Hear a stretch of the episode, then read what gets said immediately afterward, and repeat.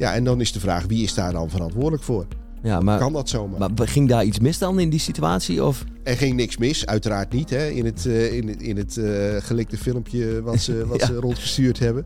Maar als je daar dan over gaat nadenken, dan moet je je toch afvragen van ja, stel dat daar nou iemand, wat voor reden dan ook, uh, bewusteloos op zo'n veld ligt en dat ja. ding komt eraan. Wat gebeurt er dan? Hallo en welkom bij We Love Engineering. Dit is de podcastserie voor en door ingenieurs en adviseurs. In deze podcastserie praten we met ondernemers, ingenieurs, adviseurs, experts en andere betrokkenen over actuele vraagstukken en uitdagingen binnen de industrie. Deze podcast wordt geproduceerd door TCPM Ingenieurs en Adviseurs. TCPM is een onafhankelijk ingenieursbureau met ruim 200 medewerkers, vijf kantoren in Nederland en dagelijks betrokken bij een veelvoud aan duurzame innovatieve projecten voor industriële opdrachtgevers. Industriële projecten worden alsmaar complexer vanwege toenemende eisen met betrekking tot veiligheid, maakbaarheid, functionaliteit, betrouwbaarheid, kosten en duurzaamheid. Vanuit een samenhangend pakket aan diensten op het gebied van engineering, projectmanagement en industriële veiligheid worden bedrijven door TCPM ontzorgd met complete en integrale oplossingen. Dit is We Love Engineering. Welkom bij de eerste aflevering van de podcastserie We Love Engineering. Het onderwerp van vandaag heeft te maken met industriële veiligheid. Er komt vanuit Europa een nieuwe versie van de machinerichtlijn aan voor de industrie. Wat betekent dat voor jou als engineer, als machinebouwer of als machinegebruiker? In deze eerste aflevering gaan we hierover in gesprek met Harry Bosje, senior adviseur industriële veiligheid. Een autoriteit, al zal hij dat zelf nooit zeggen, op het gebied van machineveiligheid en CE-markering in het algemeen.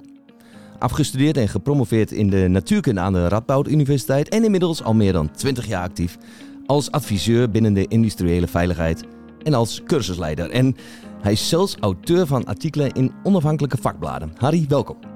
Dankjewel Bart uh, voor deze mooie introductie. Uh... Fijn dat je er bent. Ja, dank. Ook aanwezig is Erik van der Vrucht, vanuit de echte praktijk verder ontwikkeld tot mede-eigenaar en technisch directeur bij TCPM en onder andere eindverantwoordelijk voor de business unit Industriële Veiligheid. HTS werkdagbouwkundige. Erik ook van harte welkom in We Love Engineering. En uh, volgend jaar 30 jaar in dienst. Ja, de tijd vliegt als je plezier hebt. Ja, uh, mooi, dank voor de introductie. Ja. Mijn naam is Bart Eshuis en ik ben vandaag uw gastheer voor deze podcast. We Love Engineering. Ja, industriële veiligheid is een aparte business unit binnen TCPM. Maar wat uh, doen jullie eigenlijk precies, uh, Harry of Erik? Uh, ja, Harry, wat is jouw taak eigenlijk? Nou, wij adviseren, hè, mijn collega's en ik, bedrijven, vooral machinebouwers, ook machinegebruikers aan die kant. Uh, bij het uh, beoordelen van de veiligheid van hun machines uh, en het adviseren van wat voor maatregelen ze zouden kunnen treffen om, om hun machine veilig genoeg te maken. En ik zeg veilig genoeg omdat een 100% veilige machine, dat bestaat natuurlijk niet. maar het gaat erom wat is acceptabel. Nou, en daar proberen wij uh, met een uh, scherp oog voor uh, de wettelijke regels proberen wij daar een, een, een, pragmatische draai aan te geven. Ja. En Erik, wat is jouw taak binnen dit verhaal? Ja, ik ben commercieel het aanspreekpunt en ik probeer wat begeleiding te geven aan de adviseurs die ja. hun werkzaamheden uitvoeren. Ja, maar dan, wa waarom hebben we het eigenlijk over dit onderwerp?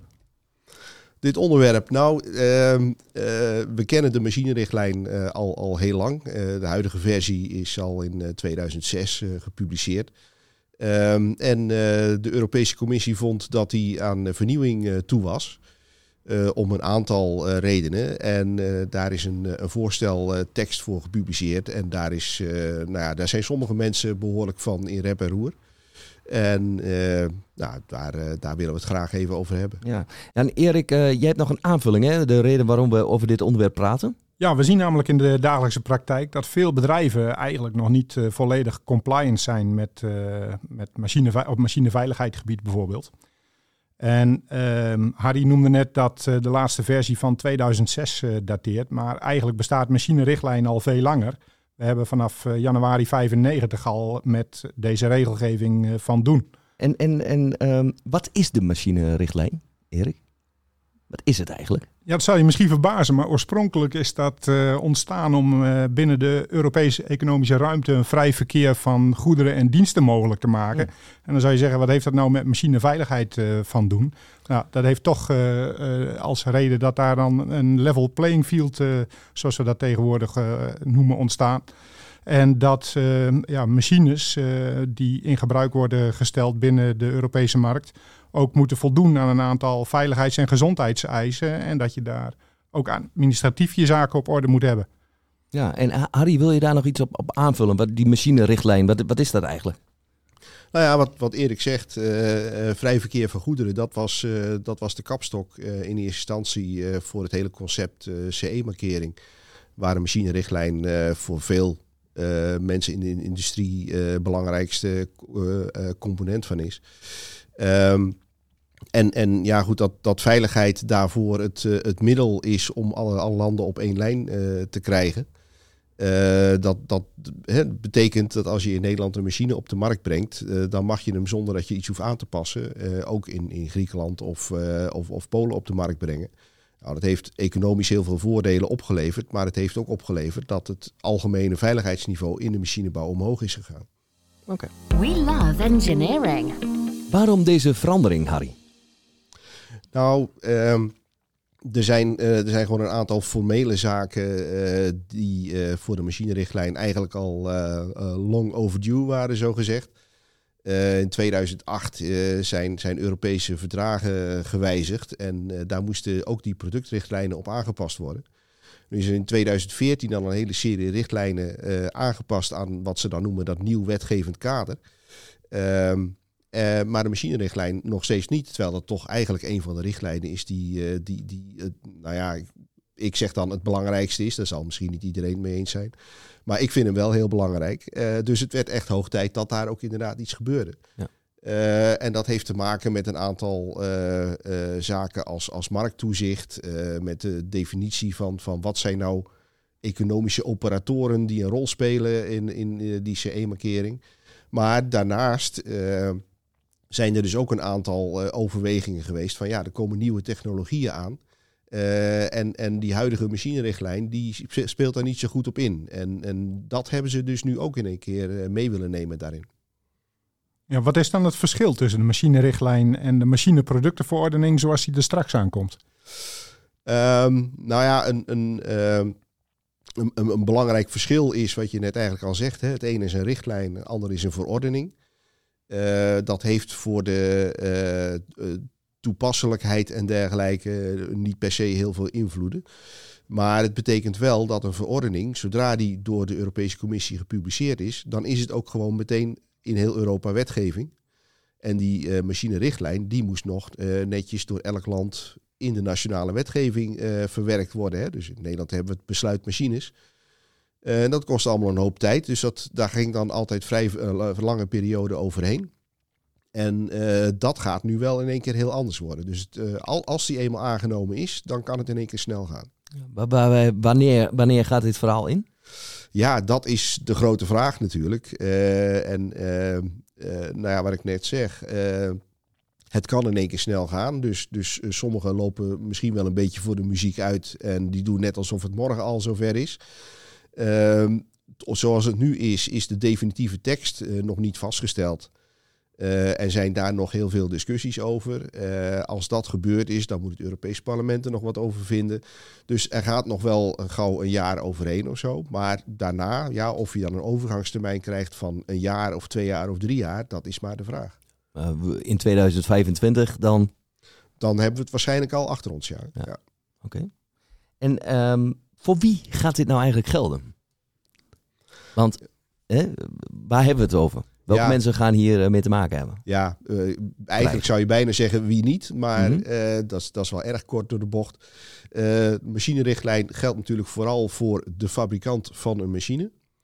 Ehm, wil een fabrikant zijn machine op de Europese markt brengen, dan zal hij hieraan moeten voldoen machinerichtlijn, machineproductenverordening geldt ook voor in gebruik nemen van nieuwe machines. Dus ook de fabrikant die hem voor zichzelf bouwt, die heeft hier ook mee te maken. En uiteindelijk hebben de gebruikers van die machines ermee te maken, want die verwachten een machine die aan de, de wetgeving eh, voldoet. Ja. En eh, als je daar twijfel over hebt, ja, dan zul je dus moeten weten van ja, wat staat er dan in de regels? Eh, en waar moet ik op letten om te weten dat die machine inderdaad voldoet aan wet en regelgeving? Ja, en kun, kun je daar dan een concreet voorbeeld van, van noemen? Van een situatie waarin... Ehm, ja, lastig. Er zijn, er zijn zoveel voorbeelden. Hè. Elk, elk geval is weer heel bijzonder. Ehm, wat je in ieder geval heel vaak ziet, is dat, eh, dat sommige machinebouwers, eh, zeker niet allemaal, maar sommige eh, op een gegeven moment zeggen van ja, ik, ik vind dit wel veilig genoeg, ik kan het wel verder afschermen, maar volgens mij gaat niemand hier zijn vinger insteken. Ehm, en dan eh, krijg je als gebruiker die machine en vervolgens zeg je als, eh, nou dan zeg je als werkgever van ja, maar mijn mensen, ik weet het niet, maar die gaan misschien hun vinger er wel insteken. En dan eh, is die machine dus eigenlijk niet veilig. En, en die discussies, die, die zitten soms in een grijs gebied. Nou, dan, dan kan het lastig worden om de goede argumenten te vinden om iets wel of niet veilig te verklaren. Maar soms is het ook gewoon zo overduidelijk dat het niet voldoet. Ja, en dan, eh, dan moet je gewoon een fabrikant met de wet om de oren kunnen slaan. En zeggen van ja, eh, of eh, verhelpen of eh, ik ga naar een andere fabrikant. Helder? Ja, van de week was ik bij een klant. Daar stond eigenlijk een eh, hagelnieuwe extruder om, om kunststofproducten te produceren. En dan zie je toch dat opdrachtgevers of importeurs of, eh, dat die worstelen met hoe ze nou die veiligheidsregelgeving toe moeten passen. Eh, het was een forse machine. En dan zie je dat eh, de, eh, bij matrijzenwissels bijvoorbeeld, dat de onderhoudsmensen, dat die tussen de, de pers eigenlijk moeten gaan verschijnen. Ja. Dat ze daar enorm zware stukken staal tussen moeten zetten. En dat er eigenlijk geen voorziening is aangebracht vanuit de machineleverancier om dit gewoon veilig te kunnen doen. Ja, dan denk ik bij mezelf, hoe bestaat het anno 2021? Ja, nou je hebt helemaal gelijk. En eh machinerichtlijn eh, is daar ook nu al heel helder over dat je als machinebouwer eh, rekening moet houden met alles wat je kunt voorzien voor de gebruiksfase. En een matrijswissel is, is bij uitstek iets wat te voorzien is. Dus daar moet je inderdaad ook voorzieningen voor treffen dat het veilig kan. En, en ja, als een fabrikant eh, alleen maar kijkt van eh, mijn extruder draait en eh, nu is alles wel veilig, ja, dan, dan heeft hij toch maar een heel klein deel van het hele verhaal gedaan. We love engineering. Ja, en dan natuurlijk nu de vraag, wat betekent dit voor bedrijven, Harry? Ja, nou ja, eh, nieuwe regelgeving waar je op een gegeven moment aan zult moeten voldoen, wil je jouw machine op de markt brengen. En eh, in, in die zin moet je dus op tijd eh, beginnen na te denken over van, ja, wat, wat is er eh, wel of niet nieuw in die machineproductenverordening, zoals die dus gaat heten. En ehm, ja, een van de, van de belangrijke dingen daarin is dat de Europese Commissie zegt van ja, er komen nieuwe technologieën aan en die gaan ook in machines toegepast worden. En, en daar moeten we de machinerichtlijn op aanpassen. Een, van die nieuwe technologieën is bijvoorbeeld kunstmatige intelligentie. Hoe moet ik daarmee omgaan? Ja, nou dat is een, eh, interessante vraag. En, en dat is natuurlijk ook eh, eh, iets waar heel veel mensen zich ja, zorgen over maken of onzeker van worden van ja, hoe gaat mij dat raken? Ehm, op zich kun je je voorstellen dat als je een machine bouwt die gebruik maakt van kunstmatige intelligentie en dan ook op zo'n manier dat die kunstmatige intelligentie de veiligheid van die machine kan beïnvloeden, dan kun je wel zeggen van ja, ik breng een machine op de markt en hij is nu veilig. Eh, en wat de gebruiker er vervolgens mee doet en wat die machine erbij leert, ja, eh, daar ben ik niet verantwoordelijk voor. Kun, kun je daar een voorbeeld van geven, Harry? Nou ja, een, een, een, een mooi voorbeeld wat ik, eh, wat ik laatst tegenkwam was een, een machine om met een eh, sterke laser eh, onkruid te wieden op, op grote velden. Oh ja. Een autonoom rijdende machine die dan op basis van kunstmatige intelligentie het verschil weet te maken tussen een slaapplantje en, en een stukje onkruid. En Handig. vervolgens dat, ja, zeker. en vervolgens dat stukje onkruid met een, met een flinke laserbundel naar de eeuwige jachtvelden helpt. En eh, nou, dat is natuurlijk allemaal prachtig. Maar als zo'n systeem kan evolueren, dan kan zo'n systeem dus ook eh, uit zichzelf ander Ja. gedrag kan, gaan vertonen. Of als de gebruiker er verkeerd mee omgaat, eh, kan hij een bewust verkeerd gedrag laten, laten uitvoeren. Ja, en dan is de vraag, wie is daar dan verantwoordelijk voor? Ja, maar, kan dat zomaar? maar ging daar iets mis dan in die situatie? Of? Er ging niks mis, uiteraard niet, hè, in het, uh, in het, in het uh, gelikte filmpje wat ze, wat ja. ze rondgestuurd hebben. Maar als je daar dan over gaat nadenken, dan moet je je toch afvragen van ja, stel dat daar nou iemand, wat voor reden dan ook, uh, bewusteloos op zo'n veld ligt en dat ja. ding komt eraan. Wat gebeurt er dan? Ja. Bedoel, ziet hij dan ook van, hé, hey, dat is geen slaapplantje? Ja. Of, uh, of stopt hij dan en denkt hij van, nou, ik weet het niet meer. Ik, ik, uh, ik wacht even totdat iemand ingrijpt. Nou, wat denk jij? nou ja, uh, ik, ik, ik vrees dat hè, als er nieuwe technologie is, dan, dan is elke engineer natuurlijk er als skipper bij om die ook toe te passen. En dat is allemaal prima. Maar als je vergeet om daarbij na te denken over veiligheid, hè, vanaf begin af aan, ja. dan zou het dus zomaar kunnen dat hij gewoon wel ja. doorgaat. Ja. En, en, en daarom is het zo belangrijk om inderdaad in, in engineering trajecten, uh, ontwerptrajecten, om veiligheid gewoon vanaf het begin aan uh, goed uh, integraal mee te nemen daarin. Ja. Want, want hoe kom je nou tot een afgewogen oordeel dat jouw machine veilig is? Ja, dat, dat, dat zal de luisteraars misschien niet verbazen, maar dat is de risicobeoordeling. Ja. En, en de risicobeoordeling, daar, daar begint en eindigt alles mee wat mij betreft.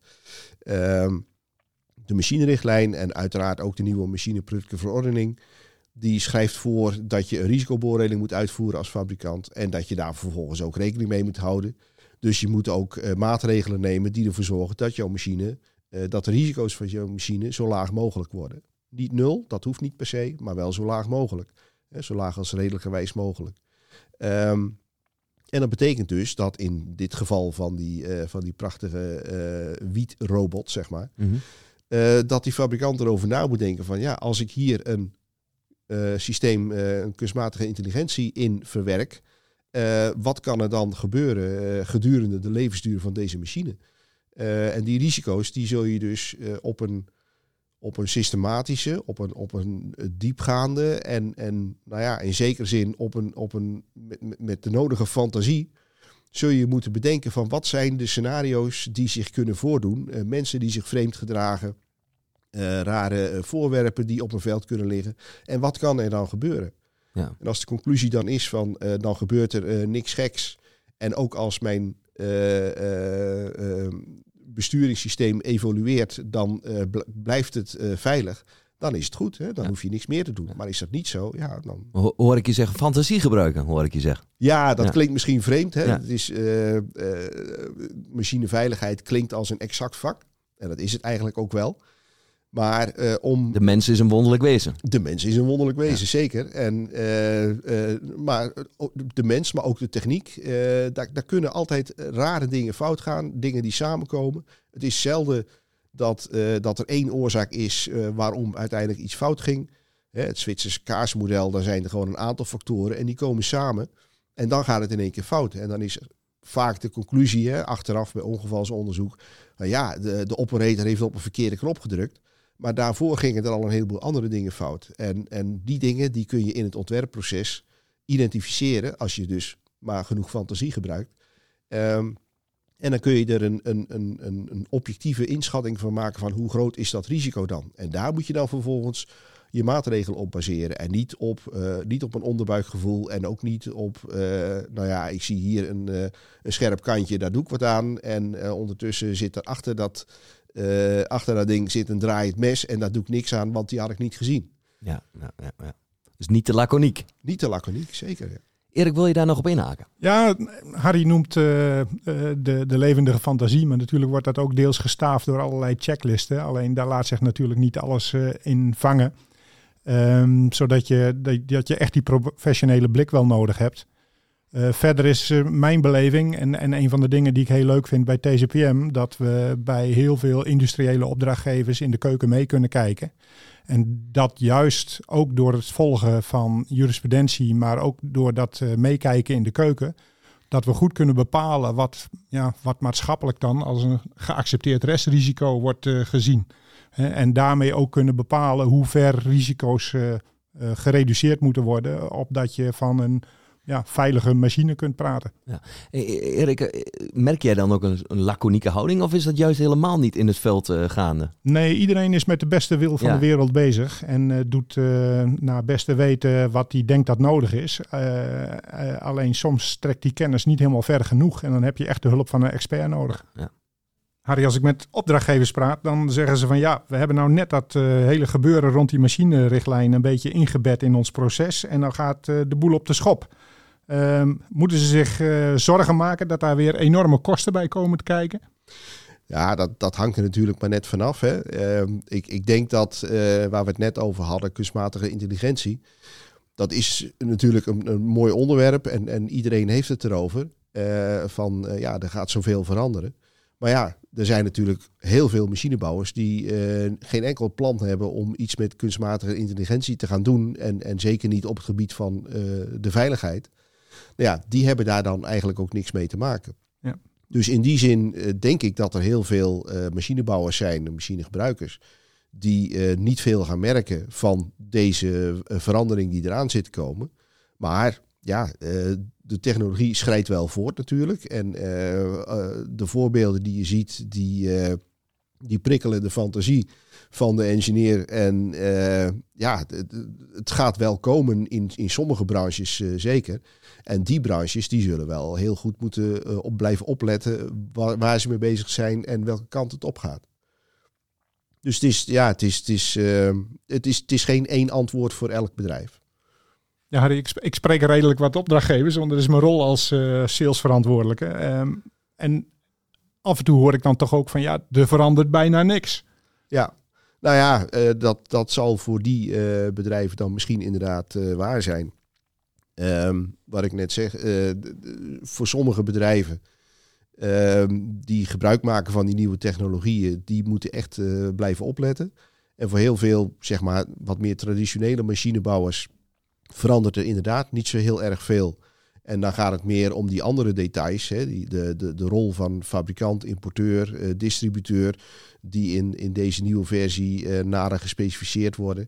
Um, dat zijn de dingen waar zij dan mee te maken hebben. En, en dat hoeft niet heel erg ingrijpend uh, te zijn. Uh, we kennen dat eigenlijk ook al van, van andere richtlijnen, die in 2014 uh, nieuwe versies van zijn verschenen. De ATEX-richtlijn, laagspanningsrichtlijn. Ehm, ja, daar was veel minder heisa over. Ehm, maar daar zit diezelfde veranderingen, die zitten nu in de nieuwe machineproductenverordening. Een groep mensen waar ik ook wel contact mee heb, dat zijn de, de inkopers van machinefabrieken bijvoorbeeld. En ja, die worstelen ook nog wel eens een beetje met wat ze dan precies op hun inkooporders moeten zetten als ze een bepaald onderdeel of een constructie, een deelconstructie inkopen. Meestal ja, hebben ze zoiets van, nou ik zet er maar in dat ik volgens de geldende wet en regelgeving iets inkoop. Maar wat verandert er voor hun? Wat zou je hun adviseren? ja, eigenlijk verandert er voor, voor die rol in het proces niet zo heel erg veel. Of helemaal niks misschien wel. De, de, de, de, de basisprincipes van de bestaande machinerichtlijn die blijven gewoon volledig overeind.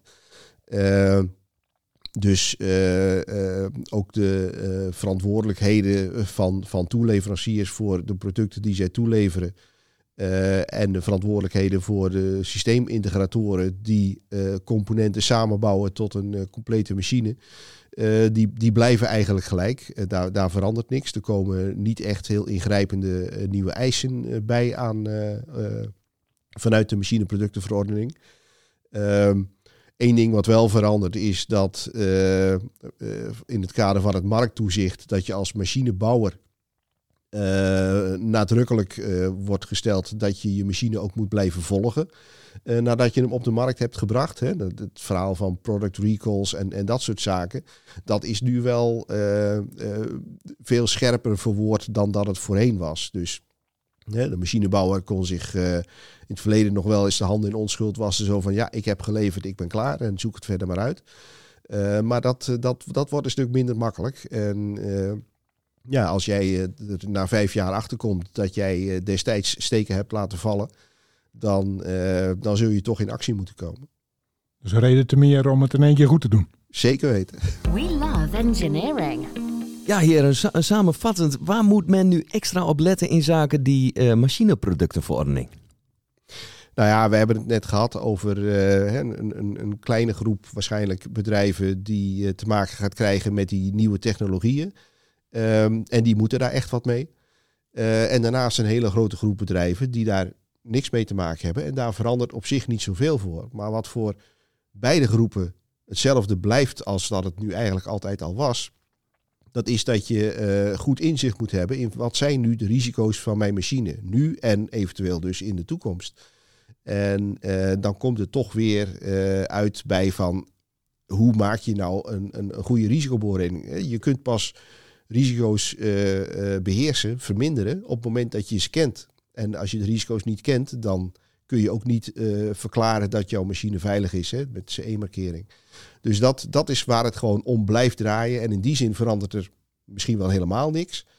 Uh, maar je moet, uh, je moet de blik iets, iets verruimen naar wat je allemaal meeneemt in die risicobeoordeling. Dus eigenlijk kunnen we zeggen dat iedereen die het nu al moeilijk vindt om zeker te stellen dat hij alle juiste dingen doet, of die niet weet wat er straks op hem afkomt, dat ze vooral contact met ons op moeten nemen ja, het, het, het, wordt natuurlijk zo langzamerhand wel tijd dat je eigenlijk weet waar het over gaat als je een risicobeoordeling moet doen. Eh, we, merken inderdaad in de praktijk dat bedrijven er moeite mee hebben. Kan. Uh, wij doen het graag natuurlijk voor bedrijven, maar we, wij geven ze ook graag de input zodat ze het op een gegeven moment zelf kunnen.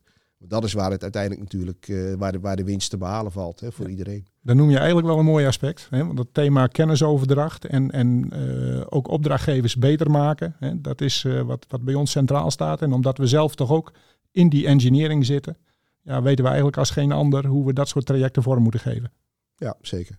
Ja. Ja, en, en TCBM is partner van het Engineering Event Safety. Ja, en dat wordt gehouden op 17 november 2021. In Den Bosch is dat. En dit is ja, bij uitstek het evenement waar u praktische antwoorden krijgt op al uw vragen over machineveiligheid. Dit jaar is het thema daar uh, safety in een veranderende industrie. En uh, meer info staat natuurlijk op tcpm.nl. Maar Harry, waarom moeten we daar eigenlijk naartoe? Nou ja, we in de zin van onze luisteraars, ja. die, die moeten er naartoe omdat ze dan met ons in gesprek kunnen gaan. Uh, of ze het nu wel of niet eens zijn met uh, onze interpretatie van waar het naartoe gaat. Met uh, de nieuwe machineproductenverordening.